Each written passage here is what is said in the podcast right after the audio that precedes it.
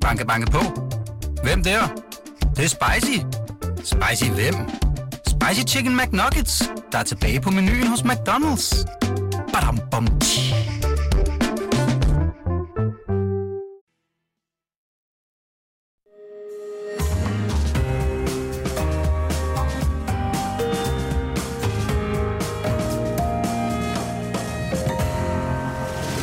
Du lytter til Cordua og Steno.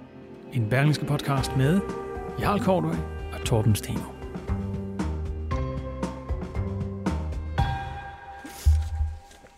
Præsident Macron og udfordreren Marine Le Pen, ja, de mødtes i går aftes i en to halv øh, timer lang øh, tv-debat. Øh, og hvordan øh, efterlod den øh, de to øh, efter her i øh, præsidentvalgets øh, afgørende runde på søndag? Øh, det taler vi om øh, med Weekendavisens Frankrigskorrespondent Aske Munk, og han bliver dagens sidste gæst i den her anden afdeling af Cordova Steno.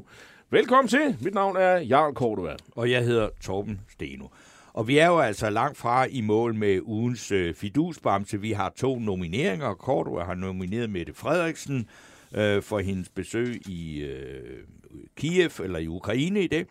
Og øh, jeg har en, øh, nomineret en øh, ung mand, som jeg nu har glemt navnet, men han har et fantastisk mellemnavn. Han hedder nemlig Dip, øh, ja. men han hedder også ved, Markus Dip Jensen, Dip Jensen, fordi ja. han har taget initiativ til en borgerlig LBGT plus Ja. gruppe. Øh, Og ham, der er faktisk øh, en pæn opbakning til, til DIP øh, Ja. for, øh, for, for det her. Man mener ikke, altså Mette Frederiksen, hun passer bare sit arbejde. Øh, Godt. Øh, Men- det, det, og, det, og ham her, han, han har lidt mere på, på, på spil af synspunktet mange steder. men altså, jeg, Mette, Mette Højlund er blandt andet en af man kan altså stadigvæk blande sig også i den debat og nominere og kommentere, og det gør I øh, som altid ved at skrive på vores øh, Facebook-side Cordua og Steno, og det gælder selvfølgelig også de her debatter, som vi nu skal have. Fordi om øh, små 20 minutter, så kommer lederne fra henholdsvis KU, Konservativ Ungdom, VU, Venstres Ungdom, og debatterer afskaffelse af, om, om, om vi skal afskaffe vores øh, forsvarsforbehold i EU. Fordi det er de to unge borgerlige øh, partiorganisationer meget uenige om. Men nu skal vi i gang med dagens debat. Den første af dem. Hvordan slipper vi hurtigst muligt af med russisk gas? Det synes jeg, det er der er hele øvelsen her, og vi skal også have noget klimaomstilling, men det er sådan, det er sådan lidt nummer to. Hvem skal betale for afviklingen af naturgas? Øh, kan vi nå det? Øh, inden krigen er slut. Øh, øh, bliver danskerne glade for, for flere vindmøller? Og hvem skal betale for CO2-afgift? Og hvem slipper er det helt taget rimeligt? Og det skal vi debattere med Socialdemokratiets klimaordfører Anna Paulin. Du er med os på en telefon, Anna. Det er jeg. Hej. Hej. Og, øh, og, så skal, og så her i studiet har vi Venstres klimaordfører Marie Bjerg også. Velkommen til dig, Marie. Tak skal du have. Og øh, Anna, kan det, øh, det, i, regeringen har jo haft øh, vildt travlt. Der har været pressemøder både øh, øh, tirsdag og i går onsdag, hvor CO2-afgiften øh, blev fremlagt. Og synes, hvad, hvad vil du fremhæve i det, øh, som regeringen har, har, har spillet ud med, øh, med hensyn til at få, hvis vi kommer væk fra det der russiske gas, som vi alle sammen øh, ikke bryder os særlig meget om. Hvad vil du fremhæve der? som sådan, det er virkelig forslaget, der får gjort noget ved det? Jamen, noget af det vigtige, det er jo det her med, at øh, folk, som der sidder derhjemme og har et gasfyr, at de får en klar besked i løbet af 2022 omkring, øh, hvad har de egentlig at forholde sig til. Kommer der fjernvarme der, hvor man bor i en gang i den nærmeste fremtid? Øh, kommer der ikke til at være nogen planer om fjernvarme, fordi det ikke kan lade sig gøre? Øh, hvad, hvad skal man så ud og investere i? En varmepumpe eller lignende? Øh, det tror jeg kommer til at gøre en forskel for folk, at, at man ligesom får det her overblik, og det tror det er noget, som der er mange, der efterspørger, øh, som er trætte af de, øh, de høje regninger, som man får, og som jo også gerne vil over på nogle, mm. nogle øh, mere klimavenlige og varmekilder. Så er der jo også skattereformen, som jo i sig selv er altså, øh, det udspil, vi er kommet med, som der har flest CO2-reduktioner i sig, så det er jo en kæmpe brik i den grønne omstilling og i at realisere 2030-målet. Og så jo også, kan man sige, vores vision om, at i 2030, der skal det danske gasforbrug være grønt. Så jeg prøver lige at rekapitulere. Det er jo altså noget med, at, øh, at vi skal have... Øh, der kommer en, øh, en løsning her i, i løbet af 2022 til de øh, øh, mennesker, som har været på naturgas. Øh, det var i hvert fald noget af det, du, du fremhævede. Og øh, hvad, hvad siger du til den plan, som øh, regeringen er kommet med, Marie Bjerg? Det køber I vel ind. I er også interesseret i, at vi kommer af med, med russisk gas. Vi er Og hurtigt. bestemt interesseret i, at vi kommer af med russisk- gas, og det kan ikke gå hurtigt nok. Øh, Og vi er også interesseret i, at vi, i, at vi kommer af med naturgas, sådan helt overordnet set, fordi naturgas er en fossil energikilde. Og retningen, som regeringen lægger frem, er sådan set god nok. Den kritiserer jeg ikke. Så der kommer en aftale i løbet af en uges tid, eller hvad? Mm, Det der, det, der er vores anke, det er, at vi synes ikke, det er ambitiøst nok, det Nå. regeringen har lagt frem. Altså, det haster med den grønne omstilling, og politisk, så haster det om noget endnu mere. Øh, og der er nogle elementer, øh, hvor regeringen bare ikke er ambitiøs nok. Altså eksempelvis det her med fjernvarmeplanen, som, øh, som Anne Pauline hun påpeger. Der siger branchen jo selv, at man sådan set øh, kan have de planer allerede inden sommerferien. Øh, og ikke, som regeringen vil, inden årsskiftet. Og det er faktisk ret vigtigt, at der er noget hurtighed her, fordi lige nu, der er der jo danskere, der udskifter deres naturgasfyr med varmepumper. Og problemet er, at det kan jo så underminere muligheden for at få fjernvarme i de områder. Og derfor er det så vigtigt, at man får den her plan hurtigst muligt. Det er et punkt, hvor vi ikke synes, det er ambitiøst nok. Noget andet, det er i forhold til havvind. Der siger Energistyrelsen selv, at potentialet er der for 40 gigawatt havvind. Så undrer vi os over, at man kun siger 35 gigawatt. Øh, det sidste, jamen det er i forhold til naturgas. Der siger regeringen, at man først skal være uafhængig af naturgas i 2030. Det undrer os også, fordi vi ved, at biogasbranchen kan producere så meget grøn gas, at vi sådan set kan være uafhængige af naturgas allerede ved udgangen af 2027. Øh, Godt, Anne- Anne Pauline. Det Anne Pauline, øh, I er ikke ambitiøse nok, og jeg, har, jeg fornemmer også, at I sidder lidt på hænderne, hvis man skal... Nu tolker jeg på det, som Marie Bjerre, hun siger. Hvad, hvad, hvad, hvad er din kommentar? Lad mig starte med det øh, omkring fjernvarmen, og hvornår danskerne de skal få besked omkring, hvad, hvad de har af alternative muligheder til deres gasfyr. Øhm, så øhm, er min klare opfattelse, at man synes ude i ø- ø- kommunerne, som jo er varmemyndighed øhm, i dag, at det her det er enormt ambitiøst, at man i alle kommuner, hvor der er gas, skal være færdig med den her melding, og altså skal være færdig med at have et overblik over, hvad kan der ligesom lade sig gøre øh, varmeplanlægningsmæssigt øh, i, i den pågældende kommune. Det er i hvert fald de reaktioner, som jeg har set, øh, at der er mange steder, man synes, at det her det øh, er meget ambitiøst, og man kommer til at have travlt øh, med det. Så jeg tror, at øh, det er øh, det, som der også kan lade sig gøre i, i den praktiske verden. Marie nævner også øh, havvind, og grunden til, at vi øh, har lagt os på de 35 gigawatt det her udspil, det er fordi, at det er den umiddelbare vurdering af, at det er det, som efterspørgselen den er i, øh, i vores nabolande på nuværende tidspunkt. Det er klart, at stiger den efterspørgsel, så er, vi, er vi selvfølgelig interesseret i også, at så skal vi udnytte endnu mere havvindspotentiale. 35 gigawatt er dog utrolig meget. I forhold til det her med, med, med gassen, så må vi jo øh, tage det inde ved, ved forhandlingsbordet. Øh, der er jo nogle balancer også i forhold til øh, finansieringen øh, af det. Øh, vi har sagt indtil videre, at vi er klar til at, at fremrykke og sende nogle flere penge i øh, hvad hedder det, kommende biogasudbud. Øh, men der er jo selvfølgelig også øh, ja, mange, mange ting, der skal gå op i en højere enhed. Der er både med, at vi skal have, have sænket øh, folks øh, naturgasforbrug, og vi skal have produktionen af den grønne gas op øh, på samme tid. Men det lyder jo sådan set som om, at det er noget, I nok øh, sådan bliver ret enige om, ikke? Og så behøver vi ikke at bruge så meget krudt på det. Men jeg kunne godt tænke mig lige at sige noget, også fordi Marie Bjerre sidder her. Hun er jo valgt øh, nærmest på Aalborg Portland, og øh, øh, det er øh, statsministeren også. Og øh, jeg tænker kunne I dog ikke øh, vise lidt øh, mod, øh, jer to unge kvinder, og så sige, luk dog det der museum deroppe, det er gammeldags produktion, det er skide 300 arbejdspladser, det klarer vi da godt.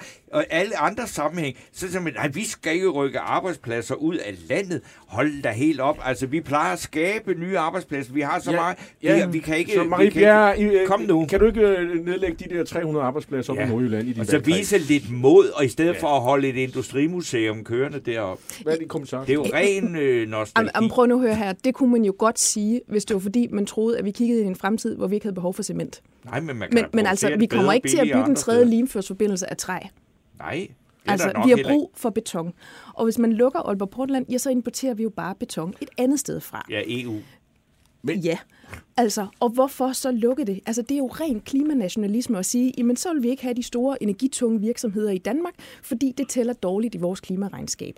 Altså, det giver jo ingen mening. Ting, man skal lukke, det er jo noget, vi ikke skal bruge af i fremtiden. Eksempelvis øh, Nordsjø-aftalen med 2050, øh, at vi vil stoppe for udvinding af olie, fordi vi ikke tror på, i fremtiden vi skal bruge A- fossil olie. Anne, Anne Paulin, hvordan kan det være, at I lader de, øh, de store klimasønder øh, slippe Øh, specielt dem, der åbenbart tilfældigvis ligger i statsministerens valgkreds, og som hun for nogle år siden har sagt, at det må hun kæmpe for næb og klør øh, for, at, ja. at de ikke bliver øh, nedlagt. Og så sender regningen over til de øh, mindre og mellemstore virksomheder øh, med knap så meget øh, opmærksomhed, og som ikke er hovedsponsor for Aalborg Boldklub. Nej, men Aalborg Portland kommer jo heller ikke til at slippe. De kommer til at få en uh, markant, et markant højere uh, afgiftstryk, end, uh, end de har i dag, som er højere end uh, uh, det, som konkurrerende, uh, uh, kan man sige, konkurrenter i nabolanden uh, vil have. Uh, så de, de kommer til at få et, et højere tryk, og der kommer også til at være et pres på, at de så Øh, skal øh, omstille, og de skal levere nogle reduktioner. Det er jo også det, som vi har skrevet ind i, i udspillet, øh, at vi kommer til at genbesøge øh, aftalen, hvis de ikke leverer de reduktioner, som, som vi forudsætter, fordi vi skal i mål med at få de her 3,7 øh, millioner ton CO2-reduktioner altså, fra, udspillet.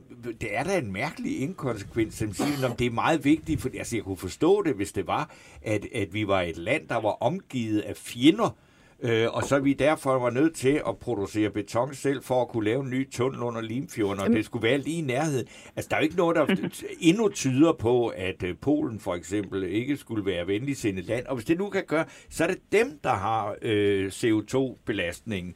Så er det Jamen, jeg forstår problem. slet ikke den der tankegang.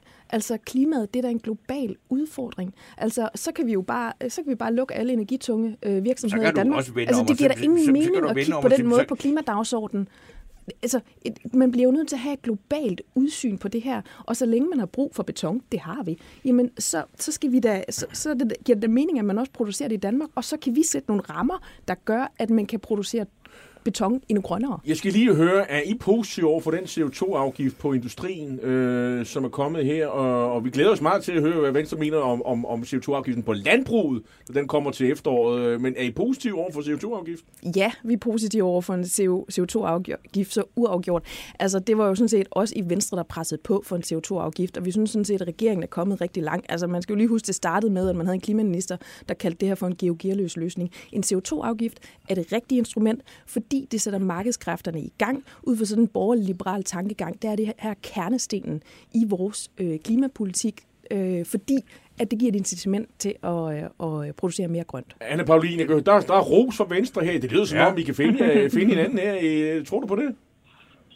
Det kunne jo være skønt med en, øh, en stor og en bred aftale på det, det her. Det tror jeg Vi har på. brug for nogle, øh, nogle rammevilkår, som der ikke skifter Øhm, men... Nu har vi jo forhåbentlig regeringsmagten i mange år fremover, men hvis det skulle ske, at der kom en venstre regering men... en gang, så skal det her jo helst ikke være nogle rammevilkår, men... der så, så det er vi nogen, der arbejder på. Og derfor glæder jeg mig også til at se, hvordan øh, Venstre kommer til at tage medansvar for, at, øh, at de her, jeg tror, at det er 400.000 husstande, der skal over på, øh, der skal væk fra naturgas over på noget andet, varmepump og så videre, øh, ekstra regninger, som de nu skal betale, Øh, det plejer ikke at være sådan, øh, det man går til valg på. Her har du lige en ekstra regning på 50.000 kroner, eller hvor meget sådan noget koster, for at skifte naturgasfyret ud og så videre.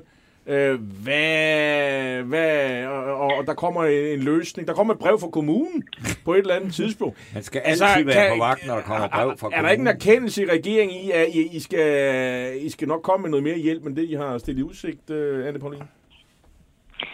Øhm, jeg tror, det er vigtigt at sige, at der er også nogen, der kommer til at betale for det her skifte af varmekilde selv. Og for rigtig mange af dem, der har gasfyr i dag, så vil det jo sådan set være en, en god investering, øh, som der øh, er, er til gavn for ens private økonomi, at man får en, en billigere og en grønnere varmekilde ind. Så vil der være nogen, som der har dårlige forudsætninger for selv at betale øh, for det her. Og vi vil gerne målrette det sådan, at øh, vi så øh, sætter ind der og giver en hjælp til dem, som der ellers ville have, have svært ved det. Men for mange husstande, så er det altså en fornuftig øh, investering. Jens Simonsen, en af vores lyttere, har et spørgsmål til jer begge to. Og øh, det lyder, hvis kommunen nu har planer om fjernvarme i et område i 2028, skal man så betale den dyre gas i de næste seks år? Værsgo. Ja, hvem vil svare? Ja, hvem vil svare? I skal helst svare ja. begge to. Ja, og det er jo, det er jo et rigtig godt øh, spørgsmål, øh, øh, kan man sige. Øhm, og det kunne jo også godt være, at der kunne være, ja, det er så et spørgsmål, om der er det. Altså, det, det, det kunne jo også være, at der skulle se- ses på, hvad der kan være nogle alternative øh, varmekilder, øh, inden fjernvarmen den bliver rullet ud. Fordi øh, det er klart, at det er, øh, det er lidt sjovere, øh, at være nogle af dem, der skal komme, kan komme på fjernvarme i 23 end i 28. Jeg er sådan set meget enig med det, Anne hun siger, og det er jo et super godt spørgsmål, og det er jo et kæmpe dilemma, man, man sætter borgerne i. Øh, sagen er jo så den, øh, at fjernvarme gerne skulle være et så attraktivt og godt tilbud, øh, at det også giver mening at vente ind til 2028 øh, på det tilbud. Øh, og, og man må også kigge på, øh, hvor hurtigt man kan få udrullet fjernvarmen. Altså, Ja. det skal ske hurtigst muligt. Okay, øh, Det var det, vi øh, nåede i dag, og tak fordi øh, I kom, øh, Marie Bjerre fra som klimaordfører for Venstre, og tak til dig, Anne Pauline, som var med på en telefon fra Christiansborg, formoder jeg. Ja. Øh, tak fordi du var med. Du, og du er selvfølgelig Selv tak. socialdemokrat og, Ja. og klimaordfører. Tak. Banke, banke på. Hvem der? Det, det er spicy. Spicy hvem? Spicy Chicken McNuggets, der er tilbage på menuen hos McDonald's. Badum, bom, tji.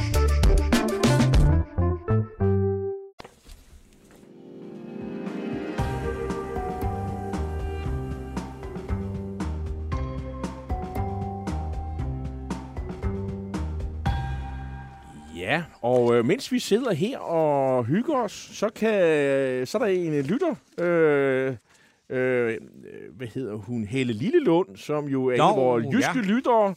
Øh, hun, har, hun har skrevet til os og, og gjort opmærksom på, at øh, i dag har Folketinget jo besluttet at fratage SU til øh, folk, der vil læse i Rusland og Hvide Rusland øh, og så Okay. videre. Og øh, der var selvfølgelig én, et folketingsmedlem, der stemte imod. det er Marie Kan du give... Nå, det, jeg skulle Ja, lige- kan ja, du selvfølgelig. Ja.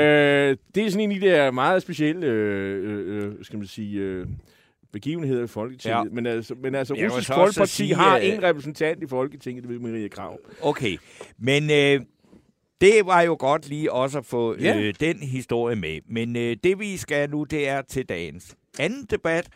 Og øh, vi har fået to unge mennesker på plads her Det er vi så i, glade for. i boksen.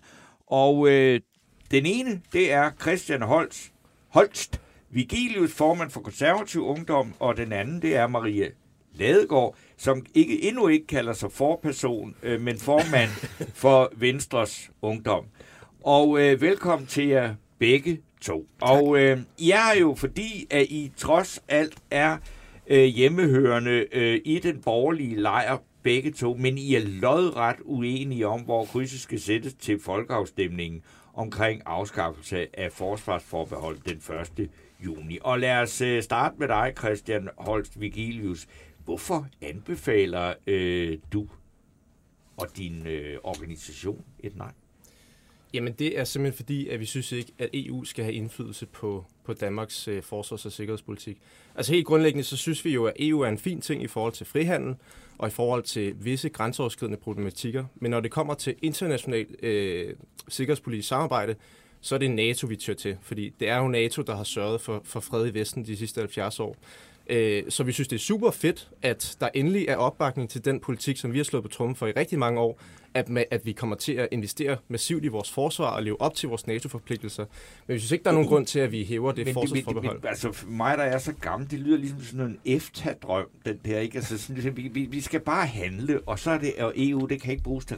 Er vi ikke netop øh, her nu, sådan som verden ser ud, blevet af, af, altså, at vi skal frem til sikkert, fordi verden ser ikke ud, som den har gjort, og NATO har gjort det fantastisk, men øh, USA er jo for eksempel, der kan jo være, der kommer en eller anden virkelig spændende præsident igen, og så øh, kunne det jo måske godt være, at vi i Europa skulle kigge hinanden i øjnene og sige, at vi skal kunne noget mere selv, og så skulle Danmark kunne være med der. Men jeg synes også, der er nogle virkelig spændende aktører i EU, som jeg ikke nødvendigvis er politisk enige med. Og så må jeg bare sige, så synes jeg, at vi skal basere det på den historiske erfaring, vi har. Og det er netop, at NATO fungerer super godt. Men det, som vi godt kan skamme os lidt over, det er, at vi ikke har levet op til vores forpligtelser i NATO. At vi ikke har bidraget nok det til er det vel ikke et argument det er, for at ikke, stemme nej. det er jo så ikke diskussionen her, men, øh, men ellers er jeg helt enig med dig, kan man sige. Ja, det er dejligt at høre. Marie Ladegaard, mm. øh, Venstres Ungdoms formand. Er jo et første kvindelige formand, så vi har jo tidligere været medlem af organisationen, så mm. det er jo godt at se. Øh, så det bliver spændende at se, hvornår I får jeres kvindelige første. Vi, vi, har, vi har haft en. Hun, Okay. hed, hun, hun hed Gert. Ja. Nå, nå for søren. Okay. Nå, ja. nå, men der kan du bare se. Øh, Maria, hvorfor øh, anbefaler VU en, øh, et ja den 1. juni? Jamen, vi synes jo lidt, det er en no-brainer at, øh, at indgå et frivilligt samarbejde med, øh, med de andre øh, europæiske lande om, øh, om forsvar og sikkerhedspolitik. Øh, lad os kigge ud i verden. Øh, vi kan godt med sådan en småstatssyndrom insistere på, at vi godt kan klare os selv, øh, men vi er nu ret overbevist om, at vi står stærkere sammen med de andre EU-lande. Og så er det her med, at EU får indflydelse på, øh, på vores på, eller på vores politik, og sådan ser jeg det egentlig ikke. Altså, det er jo også der får indflydelse- på, på EU's politik den anden vej rundt. Og det handler om, at vi vil, vil vi sidde med ved bordet, vil vi være med til at træffe nogle beslutninger, eller vil vi sidde øh, udenfor op i nord øh, og have nok i os selv. Okay.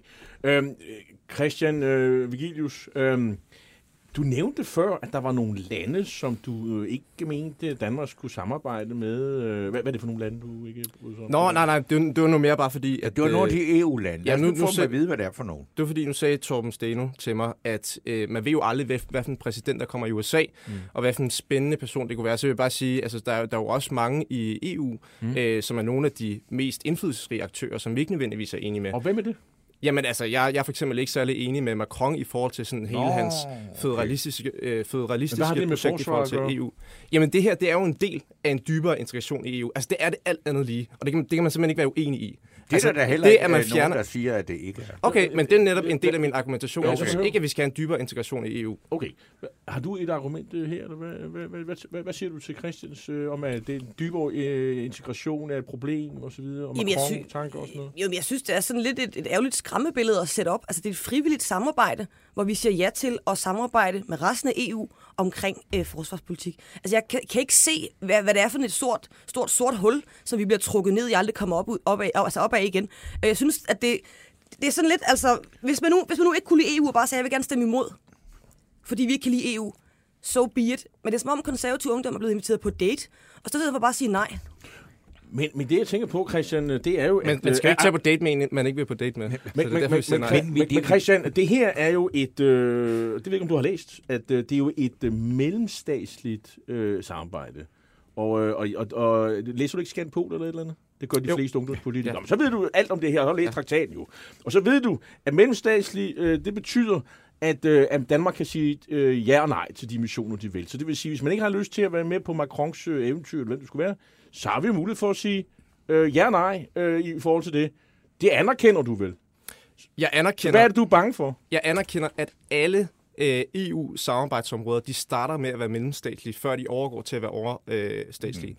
Og det, det var det samme, da, da man øh, vedtog Lissabon-traktaten øh, tilbage i 2007. Der var der 19 områder, der gik fra at være mellemstatslige til at være overstatslige, uden vi havde en folkeafstemning. Så ved jeg godt, at Jeppe Kofod han var ude i forgårs og sige, jamen, der kommer en for, øh, folkeafstemning, hvis det er, de går over til at blive overstatslige. Men det beroliger dig ikke. Jamen, i går så, så får vi så at vide, at det han så mener, det er, det det skal ikke skrives ind i loven, men det skal skrives ind i lovbemærkningerne. Og der er så en ret central forskel, fordi det er jo ikke bindende. Og så, så spørger jeg bare, hvis er det er... lovbemærkninger ikke bindende? Nej, det er det ikke. Hvad siger du til det? Altså, det, Det det er er, det jo, ikke. nej, nej, men det er jo almindelig praksis, at det, der står i lovbemærkningerne, jeg eller i lovbemærkningerne, det er der, hvor man præciserer og lige forklarer, hvad handler det her, hvad er hensigt med det her forslag. Så det ville jo være imod alt almindelig praksis, alt praksis på det område, hvis man gik imod de øh, lovbemærkninger, der ligger til loven. Men hvorfor skriver man ikke bare ind i loven? Jamen, i, Hvis man gerne vil love det her til danskerne, hvorfor skriver man ikke så bare ind i loven?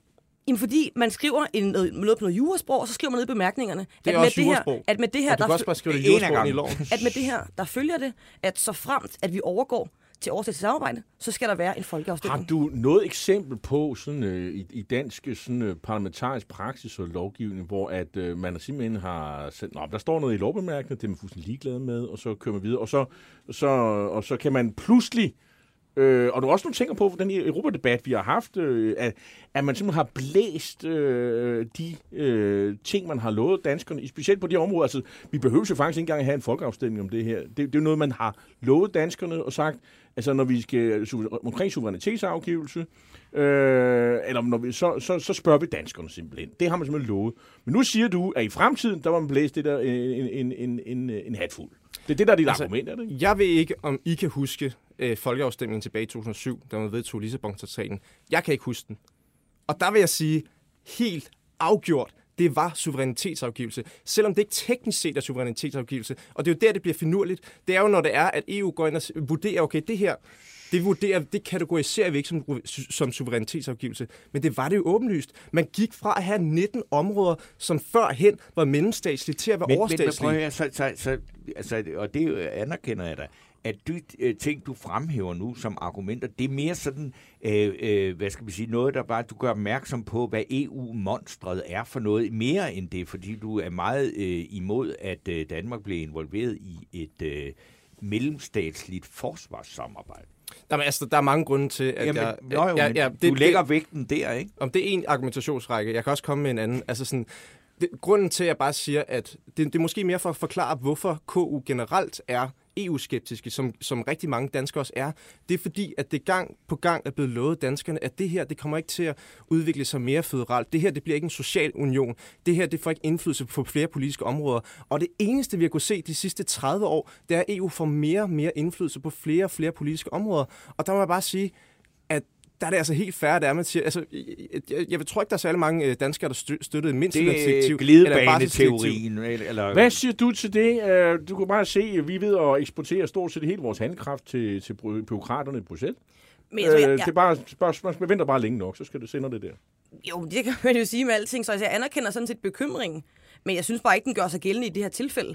Altså nu skal vi stemme om, hvorvidt vi vil indgå i et frivilligt militært samarbejde. Det vil sige, et samarbejde frivilligt betyder, at man kan øh, sige nej, når man ikke vil være med, og man kan sige ja, når man gerne vil være med. Altså jeg, jeg forstår ikke den her skræmmeretorik, der er om EU som sådan et stort altopslugende monster, øh, der river os med.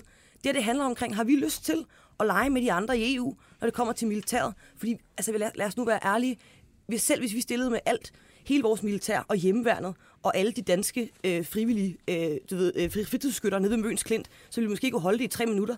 Jeg synes, det er et, et, et fint signal, hensigtserklæring at sige, at vi vil gerne være med i den her klub, hvor vi hjælper hinanden, i stedet for at insistere på at skulle sidde alene. Men, men jeg siger ikke, at EU er et stort monster. Jeg synes, at EU er fint til nogle ting. Men jeg vil bare sige, når det gælder sikkerhedspolitik, så synes jeg, det er rigtig fint, at vi investerer i NATO, at vi investerer i den europæiske fraktion i NATO, Men det er der jo hvor, ikke Stor, hvor øh, Storbritannien også er med. Men- jo, men, jo, men, men, den europæiske fraktion i NATO, er det ikke den, som øh, amerikanerne gerne vil have, at vi skal lave? Du, du, øh, du har, jeg ved ikke, om du har så det der interview, der var med, øh, øh, eller med den amerikanske ambassade. Der svarede de jo på spørgsmålet forleden dag, og det stod jo ret klart, sådan tror de fleste tog det ned, at amerikanerne synes, det er en rigtig god idé, at vi går med i det her øh, for, europæiske forsvarssamarbejde.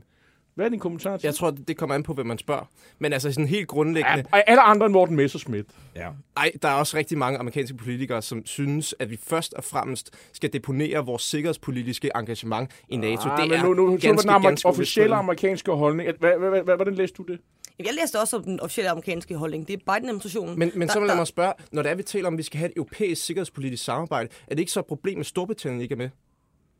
Jo, Altså et af de største militære i Europa. Jo, jo. Men altså, det er også blevet, Okay, vi ikke var det ikke så smart, at vi i, i stedet for at lave et sideløbende projekt i EU, så fokuseret på det, som har sikret freden i Vesten de sidste 70 år, som er NATO? Men prøv at høre, der er jo ikke no- bare for, altså, når Storbritannien ikke er med, så handler det selvfølgelig også om, at Storbritannien vil slet ikke være med til noget som helst. De er jo på vej ud. Altså, Det vil de gerne gennem NATO. men, men er, er det... det... Må, jeg lige sige fair? Altså, det, det handler jo om, om, om Brexit. De har ikke lyst til at være en del af den europæiske familie på nogen måder. Altså, Åh, det synes jeg måske er lige at Nå, stramme det den. har... Ja, men det... det De har ikke lyst til at være med i EU. Nej, okay. Hvad, hvad men- siger du, Marie Ladegaard, øh, til det her argument her? Jamen, jeg, jeg er ikke sikker på, at jeg synes, det er et argument. Jeg- Altså, hvor- hvorfor skal Analyse, et, et, et, jo, men hvorfor skal et, et, et, et EU-samarbejde øh, om forsvar udelukke et NATO-samarbejde om forsvar og omvendt? Øh, de kan jo, to ting kan jo godt samme eksistere. Vi lever bare i en verden Lille Marie jeg synes, det er ærgerligt, at vi øh, skal deponere øh, vores øh, sikkerhed og vores øh, folk og lands øh, sådan, øh, sikkerhed øh, i USA, når vi bare, nu siger de sidste 70 år, men de sidste måske lad os sige 10 år, godt har kunne se, at det er måske et dårligt sted at deponere det. Altså, det handler om at tage noget ansvar for os selv, i stedet for at håbe, at Kenya på 9. gør det. Sidder du ikke og flytter målstolperne, øh, Christian øh, Holst Vigilius, ved at sige, at øh, jamen, øh, vi har øh, et NATO-samarbejde, hvor vi europæisk kan f- lave en eller anden søjle. Du taler om noget, der faktisk ikke eksisterer. Der er, der er ikke noget. Der er NATO, punktum. Med Tyrkiet, og jeg ved ikke, om det var andre, øh, jeg ved ikke, hvad der er for nogle lande, du ellers ikke bryder dig om. Jeg kan se, at Rumænien er et problem for kon- konservativ ungdom. Hvorfor egentlig?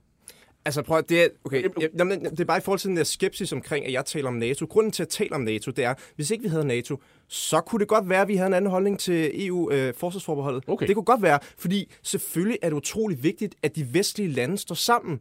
Jeg kan bare ikke se, altså i en verden med begrænsede ressourcer, hvorfor er det at ikke, at vi fokuserer på NATO, hvor Storbritannien og hvor langt flere vestlige europæiske lande er med? har amerikanerne jo skudt ned. De siger jo, de er på vej væk, og europæerne skal tage mere selv. Det, Jamen, det, that, that's debatable. Nej, det er ikke debatable. Du kan jo for eksempel læse fra Christian Moritzen, vores sikkerhedspolitiske debat, som siger, at han, han havde ikke tal på, hvor mange møder han havde, han havde været til, hvor amerikanske politikere, uanset om de er demokrater og republikanere, siger, vi ønsker, at europæer, europæerne tager mere ansvar selv, fordi vi har fokuseret på Kina.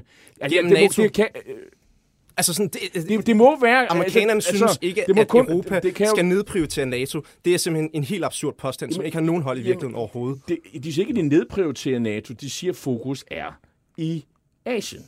Det, det, det må kun, der er vist kun Morten Messerschmidt og konservativ ungdom, der ikke har lavet den analyse. Alle, At- alle medlemslande er ikke med i alle NATO-missioner.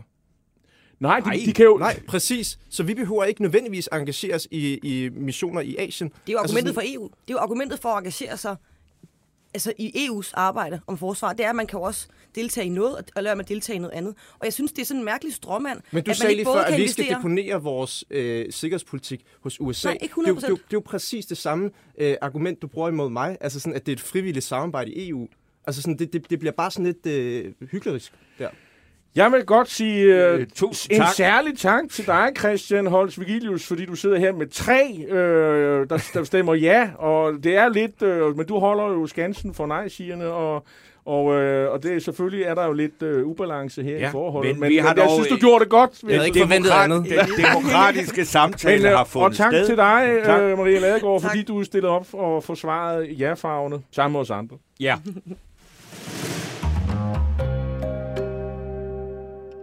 Nå, Torben Steno, Vi har- øh, jeg ja, tror, riget snart er, rig- Frankrig, riget er øh, i gode hænder, og vi har disse prægtige repræsentanter for Ja, ja. den opvoksende politiske Ja, ja. fremtid, ungdom. Hvad skal man øh, sige? Og, og den unge mand, han har da i hvert fald sørget for, at jeg overhovedet ikke er i nærheden af at stemme konservativ Oh, i fremtiden. Men han, er, da- han, han forsvarer sig godt. Jeg, Ja, ja. Jeg, jeg, jeg, jeg, jeg købte ikke rigtig hans argumenter, men, Nej, øh, men øh, vi, vi, vi, nu, nu kommer øh, Aske Munk ind ad døren, og ham havde jeg tænkt, at vi skulle have en meget, meget større fanfare og præsentere på Jo, en lidt mere. vi vi, vi, vi, vi, det gør vi lige om lidt. Men Ja. ja. vi, vi, vi skal jo lige Hvad siger du? altså holde øje med, at vi har øh, fidusbamser i luften. Og øh, i mellemtiden, øh, siden vi havde det, der er jeg gået ned for strøm. Så jeg kan ikke rigtig se, hvordan øh, lytterne øh, gebærder men sig det- i forhold til Det vil jeg gerne undersøge for dig. Øh, fordi vi skal, vi skal... Men forløbet er der jo altså to øh, kandidater, og øh, den ene, det er statsminister Mette Frederiksen, og øh, det var hende, jeg roste for øh, hendes meget, meget øh, vellykkede påklædning under besøget hos nu nærmer vi os. Nu nærmer vi Zelensky os. i Ukraine, og så er det Markus Dip Jensen. Ja. Øh, det er, hvad der er på øh, pladen, og jeg synes ikke rigtigt, jeg har set... Der er heller ikke kommet nogen øh, forslag fra lytterne endnu. Nej, jeg, jeg, jeg synes heller ikke, øh, jeg kan øh, Godt. se det. Øhm, øhm, ja, øhm, men øhm, Skal vi udskyde det til allersidste ja, øjeblik? det, det synes jeg, vi skal. Godt. Øh, Så, så ser vi, lyttere, I kan nu øh, stemme fra nu af. Og så, øh, når vi er færdige med at tale om Frankrig, så tager vi en beslutning på baggrund af det.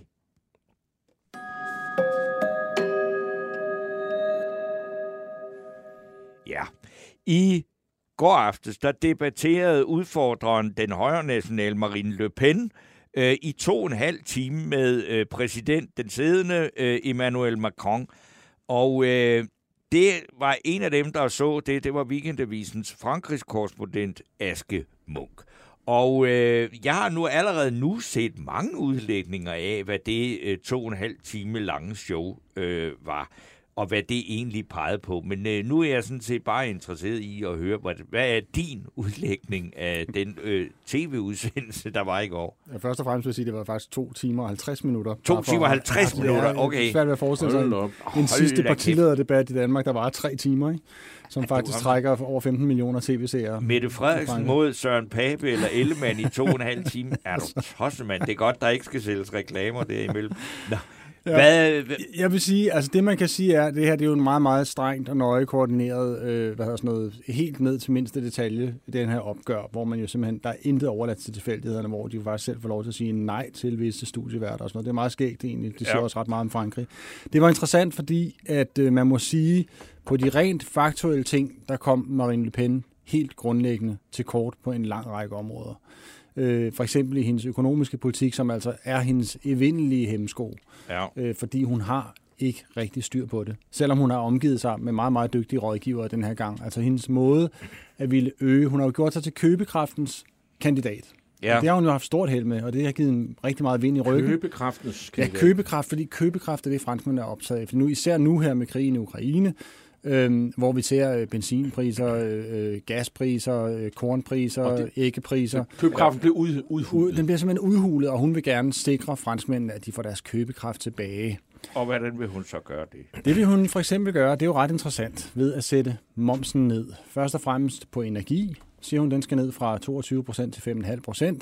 Og der har Macron jo også, fordi han, han har jo også gjort meget for købekraften. Det er interessant, det bliver fejret ind under gulvtæppet, mm. men faktisk er købekraften konsekvent steget for alle samfundslag i Frankrig. Det viser uafhængige opgørelser øh, i, i hans øh, regeringsperiode på de fem år, han har siddet ved magten. Men han vil gøre det ved at lægge et prisloft, som er en anden måde at gøre det på en momsen, og hans vigtigste argument, som Marine Le Pen ikke var i stand til at argumentere imod, var, at momsnedsættelser, de rører ikke ud til forbrugerne. De bliver bevaret.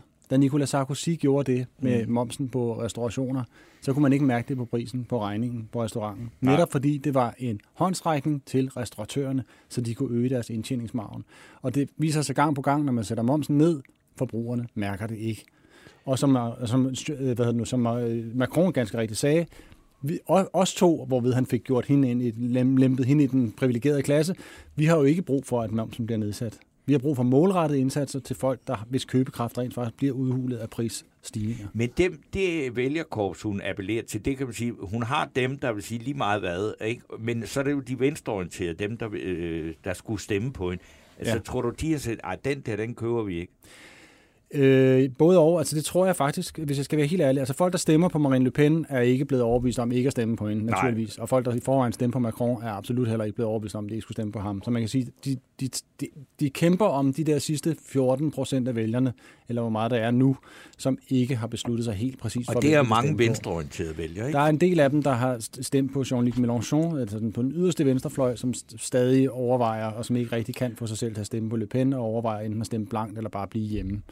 Og det er måske dem, man kan håbe, at han kan få trummet ind, altså han håber på at få trummet ind i, i stemmeboksen på den her måde. Aske Munk, øh, man skal jo selvfølgelig være forsigtig, og vi mange jagttager, der har taget fejl med Trumps valg og, og Mm. Brexit osv. Tror du på, at Marie Le Pen har en chance på søndag? Øh, Kort svar. ikke længere. Ikke længere.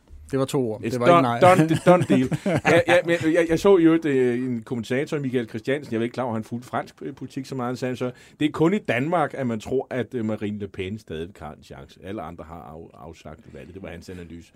Øh, Jo, altså det vil jeg så sige, for jeg, jeg, var ikke, jeg var ikke sikker på, at hun ikke havde en chance for to-tre uger siden. Altså, nej, for jeg to-tre uger siden, men nu Ja. hvor vi er nu. Hvor vi er. Nej, nu hvor, der hvor vi er nu, så vil jeg sige, men det er stadig interessant at se, altså nu har jeg for eksempel lige skrevet en artikel i Weekendavisen til i, Til morgen om. Det skal vi alle sammen huske at læse. Ja, det skal vi huske at læse, ja. Ja, Øh, om i- og købe. Ja, men Ja. naturligvis.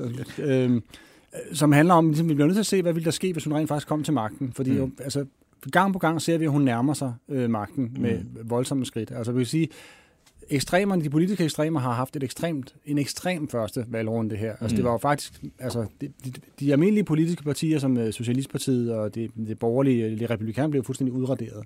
Altså, de er så lavt nede, at Altså de nummer ikke to og nummer tre fik et skide godt valg, ikke? jo, men, altså, jo, det, det, nummer to og nummer tre.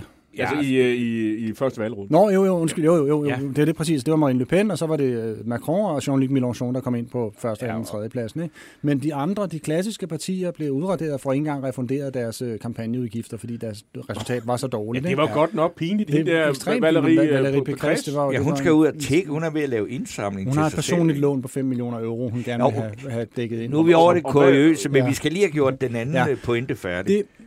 Det, øhm, det, det, man kan sige, som er i det her, det er, at de kæmper selvfølgelig om at få den yderste venstrefløj stemmer, som er dem, der stadig ligger og ikke rigtig ved, skal de stemme, skal de, hvem skal de stemme på, og skal de overhovedet gå derind. Mm. Og der må man sige, at Macrons appeller til, øh, altså forklaringer rent økonomisk, hvad det er, han har gjort, hvorfor han har gjort det, ikke taler for, øh, for Marine Le Pen, vil jeg sige, fordi at hendes økonomiske politik risikerer rent faktisk bare at udhule øh, budgetunderskuddet kolossalt.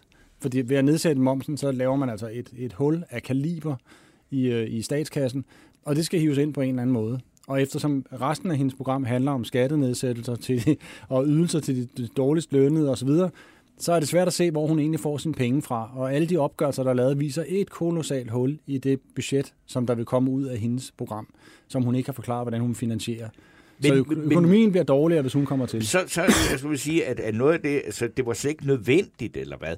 Altså, når jeg tænkte, de skulle dog fylde tiden ud noget med to timer og 50 minutter, men altså, at hendes, øh, hvad skal man sige, øh, lemfældige omgang med Putin og med EU-midler, altså, hvad skal man sige, det er jo, øh, hun har jo nærmest en Morten Messerschmidt-sag, ikke? Jo, altså, jo, når, når på den måde, jo, jo, er du gal, jo. Det, jo- det, er jo- der, der, der, der, der tampede Macron altså også på hende, vil jeg sige. Der, men jeg tænker, at de almindelige øh, vælgere, som de skal overvinde, overvinde her, de, det er ikke dem, der går Der op i er heller ikke de der venstrefløjsvælgere. Nej, men De hvis man ser med det. udenrigspolitisk på det, så var det en, et sydende nederlag øh, til Marine Le Pen her. Ikke? Altså Macron havde den der fantastiske formulering, fordi hun har et kæmpe lån, som partiet har optaget i en russisk bank, som er tæt på, på Kreml, altså inderkredsen. Og det var jo meget morsomt. Han sagde, så når de taler med Rusland, så taler de med deres Bankrådgiver. Bank, eller, bank, eller, eller låner vel. Og det er jo rigtigt nok. Og hendes forsvar var, jamen der er mange andre franskmænd, der også har et lån, og det betyder jo ikke nødvendigvis, og så fortabte det sig lidt i noget... nogle Det var, det var det, hvor han satte kniven ind, hvor det gjorde rigtig ondt. Det er der, man kunne egentlig have forventet, at hun havde forberedt et bedre forsvar. Hendes forsvar var, jamen, hvad skulle vi ellers gøre? Hvilket aldrig er et rigtig solidt øh, argument Hvad for med- at gøre noget som der er jo helst. Schweiziske banker, og der er jo alt muligt andet. Det kunne man have- have ind- indvendt, men, øh, men øh, det, det var ret vildt. Altså det interessante ved hele den her debat, vil jeg sige, når man ser det øh, udefra øh, som, som, som, hvad skal vi kalde det, neutral observatør, det var, at hun overhovedet ikke angreb hans, øh, hun forsøgte en gang at angribe hans øh, regeringsførelse ved at sige, at han bare havde lavet et kæmpe hul i budgettet, og så sagde han, jamen det var på grund af pan- pandemien. Vi har et hul på 600 Det har de jo milliarder. gjort alle sammen. Og så spurgte han hende ganske rigtigt, hvilket hun aldrig svarede på, hvad ville de have gjort i mit sted? Ja. Og det, det er jo rigtigt, han har, jo, altså, de, de har, han har åbnet for sluserne i statskassen, sandt. Men der var en pandemi, og Frankrig klarer sig faktisk bedre end mange andre lande, fordi de netop har haft de her massive støtteordninger, som har kostet en bondegård, altså franske statsbudgetunderskud er langt over de italienske før pandemien, som man jo sad og grinede af. Men det er jo simpelthen for at hjælpe erhvervslivet, for at hjælpe de selvstændige Men er det ikke været midlertidigt, undskyld? Hvad? Har, har det ikke været midlertidigt? Øh, Jo, jo, jo, det bevares jo, men det er jo kæmpe, det er jo kæmpe, det er jo et stort land, så det altså, under, underskuddet bliver jo, Jo. enormt, ikke? Jo, men, men det vel kun for en kort periode. Jo, jo, jo, jo det er det nemlig. Jo, så- og det, så det, nu det, har det, du, det, det, er også derfor, det er øh, interessant, at det, det, det, det er jo latterligt at angribe ham for, hvordan at han har øh, altså, kastet om sig med penge under klart. pandemien, fordi hvad skulle man ellers gøre? Aske Munk, nu har du aflevet Marine Le Pen. Så lad os så, så kigge Nej, jeg har jo ikke afledt hende. Nej, jeg har jo ikke afledt men- hende, fordi problem, at der er jo stadig utrolig mange, hun kommer til at opnå 46, 46 procent af stemmerne i mit bedste bud. 46, 47 måske. Det er også mange. Det er mange, og det betyder også, at bagefter får han et kæmpe problem. Men, men Ja, jeg, og hvad er det så? Fordi at han, han får jo posten, og han har et flertal i den her enorme nationalforsamling. Ikke? Jo, men det, de, de går til valg i juni. Fra okay. 13. og 17. juni har vi valgt til nationalforsamlingen. Ja. Der vil jeg ikke spå endnu om, hvordan det kommer til at gå, fordi det, det kan virkelig, det kan godt hævne sig på Macron, at han har så mange vælgere, der ikke har stemt på ham i første runde. Det er jo også en indikation på, hvordan folk agter at stemme der.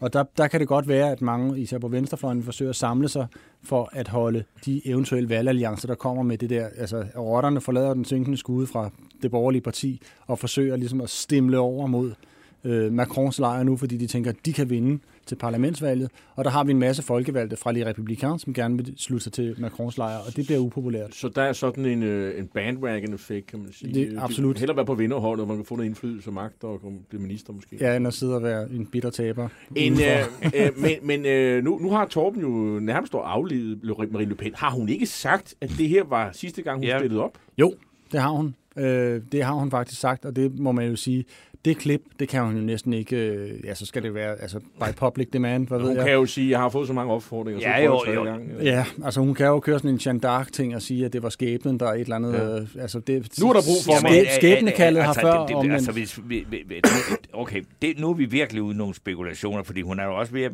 hun er, hun er jo blevet godt slidt.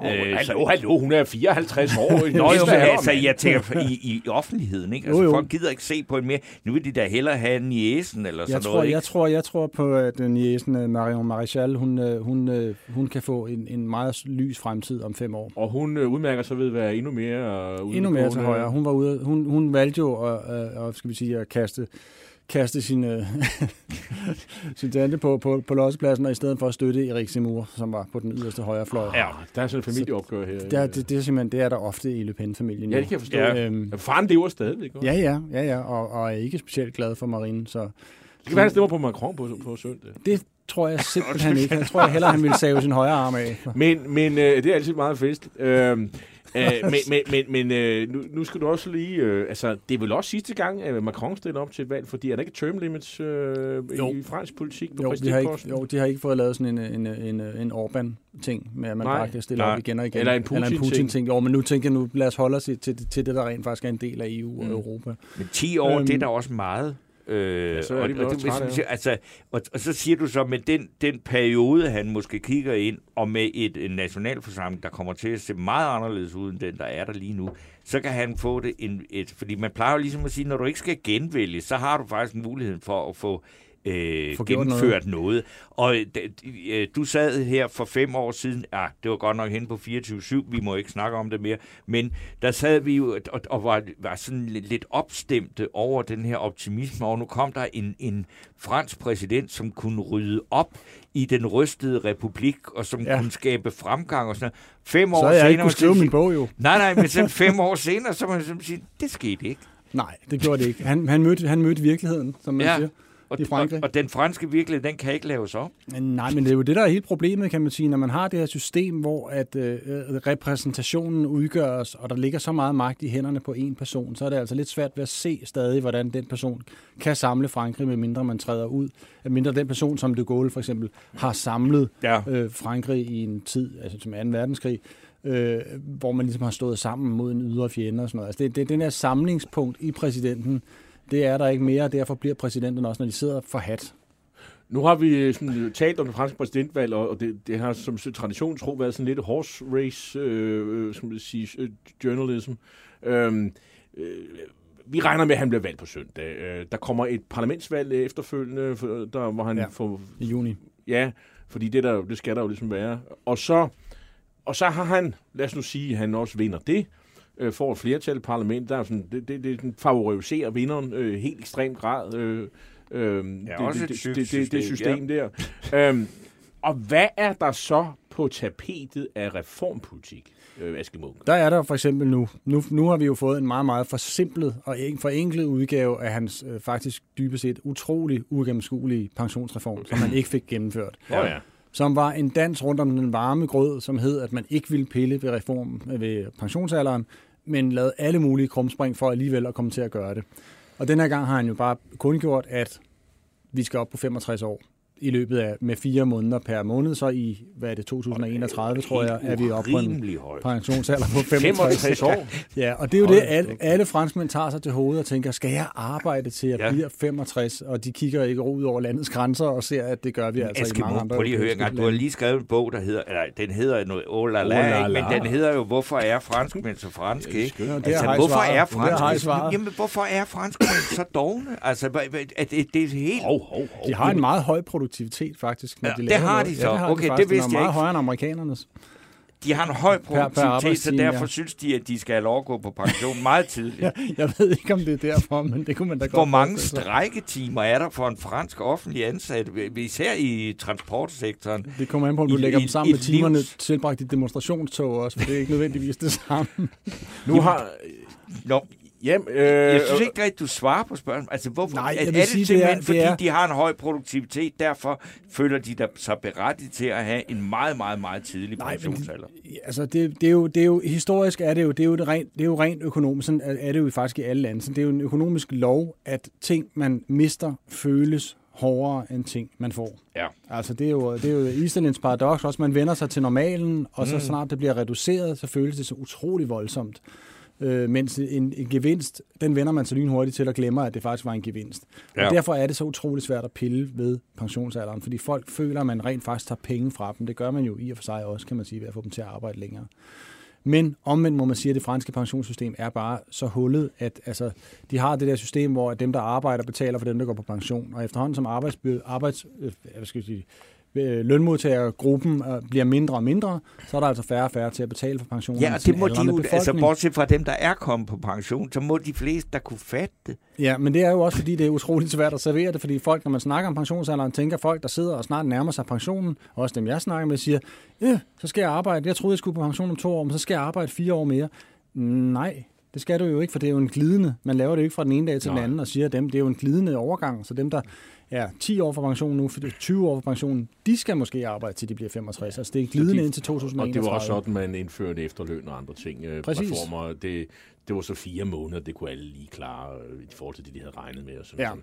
Men, øh, men altså, Aske Munk, øh, vi, vi, vi var omkring din øh, bog her for, for 14 dage siden, og jeg har jo været i Paris i mellemtiden på feltstudie for ligesom at, Passer at, det? at, at prøve, Passer det, at jeg prøve nogle ting. Ja, altså, det, det der ligesom, øh, du skrev om, at det her med øh, kravatten, Og altså nu er vi inde i det slipset, er på vej, er på, er på vej ud, så ah, kan det nu må passe. Mener, det er jo modehusene bare og så på mig. videre. Ja, du må jeg ikke slips og sådan noget.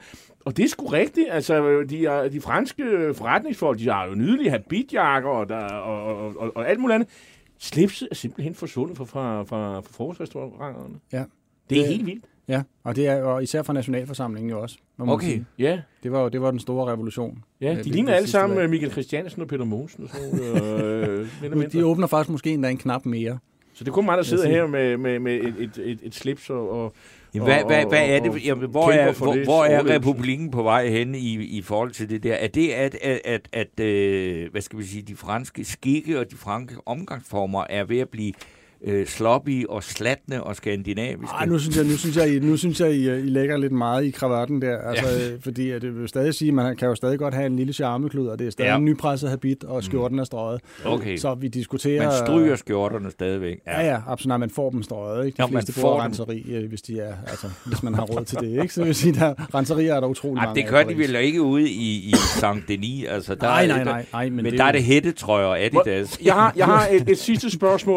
Øh, Hvem, hvem bliver den, øh, den nye øh, leder af, efter, efter Macron? Øh, Er der, er der, har han en, en, en, en, en kronprins eller kronprinsesse? I, Altså til at lede ham i bevægelsen? Ja, der skal være en, en premierminister eller et eller andet. Ja, og præ- premierminister ved jeg faktisk, altså der kunne han godt finde på at tage en gammel fra, tror jeg, fra, altså en- en fra tidligere de borgerlige partier øh, igen. Men han har jo den her gang har han jo også sagt, at premierministeren vil få op til opgave at føre den grønne omstilling til ende okay. i Paris, netop for igen at fiske vælgere hos øh, øh, nu, La France Insoumise, altså det yderste venstrefløjsparti, og de grønne, mm. som er, er dem, det er de vælgere, man slås om her i anden runde. Ikke? Og derfor fik han pludselig i Marseille, til holdt han en brandtale, hvor økologi og øh, klima og alt muligt pludselig blev sådan det centrale omdrejningspunkt for hans regeringsførelse. Meget overraskende for alle dem, der lyttede til det. Nu har vi jo faktisk lige gjort præsidentvalg færdigt. Altså, man tænker jo, altså øh, tiderne går hurtigt. Epokerne er øh, halvandet år eller sådan noget i øjeblikket. Ikke? Altså, hvor man sagde, sidste vi havde valg her i Danmark, så var det et klimavalg, og det var det, de unge ville have, og alt det der. Og så kom der corona, og nu er der øh, Ukraine. Altså, hvad, hvad fylder det der klima hos unge franskmænd? Det, ja, det, det, det er svært at sige. Jeg vil sige, jeg tror, det fylder nok ikke helt lige så meget, som det gør i, i, i Danmark.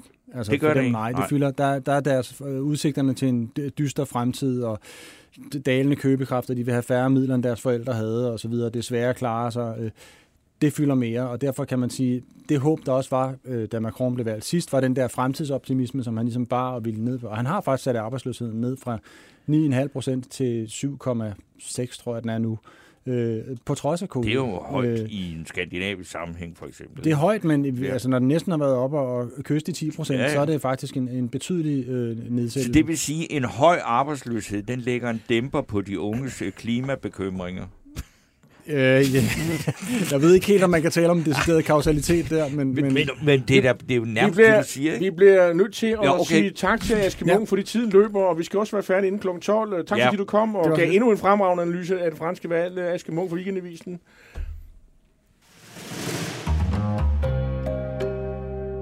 Og så skal vi øh, have nomineret, eller vi skal faktisk have afgjort have den her afgjort sag. det, ja. Linda Larsen skriver, Kort du er nomineret efterhånden kun Socialdemokrater. Ja, det er jo en kendt sag, jeg er øh, Socialdemokrat. Det ved du godt. Nej, det er jeg selvfølgelig ikke. Øh, men nogen skal jo nominere nogle øh, regeringsmedlemmer, når de gør noget fornuftigt. Og, og det kunne man måske lige sige, altså Mette Frederiksen har lige sagt øh, i et interview til, til øh, TV2 News, vi har tænkt os at sende endnu flere våben til Ukraine. Det er det, der er mest brug for. Øh, så øh, det, det synes jeg endnu tæller endnu mere på, på, på min øh, vægtskål, at, øh, at, at Mette Frederiksens besøg i Ukraine er vigtigt, og, øh, og derfor så har jeg nomineret hende. Mm. Øh, der er andre, der mener, at DIP skal have øh, en, en fedusbamse.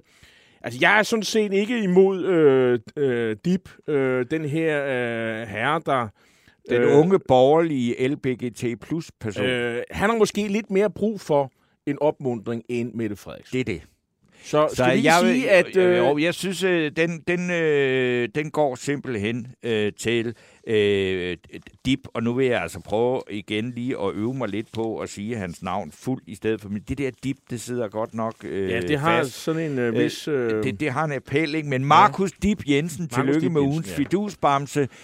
Øh, og du er velkommen i programmet her hos os i næste uge, hvis du vi har tid. skal sige tak til... Øh, Ja, i redaktionen der sad øh, Simon Gardner, og knapperne blev bestyret af en øh, gammel øh, kending i redaktionel sammenhæng, men nu er tekniker Lulu Ros, og tak for i tak dag. fordi I hørte med. Vi ses igen næste torsdag, eller høres ved næste Ja. torsdag kl. 10.05. Banke, banke på. Hvem der? Det, er spicy. Spicy hvem? Spicy Chicken McNuggets, der er tilbage på menuen hos McDonald's. Badum, bom, tji.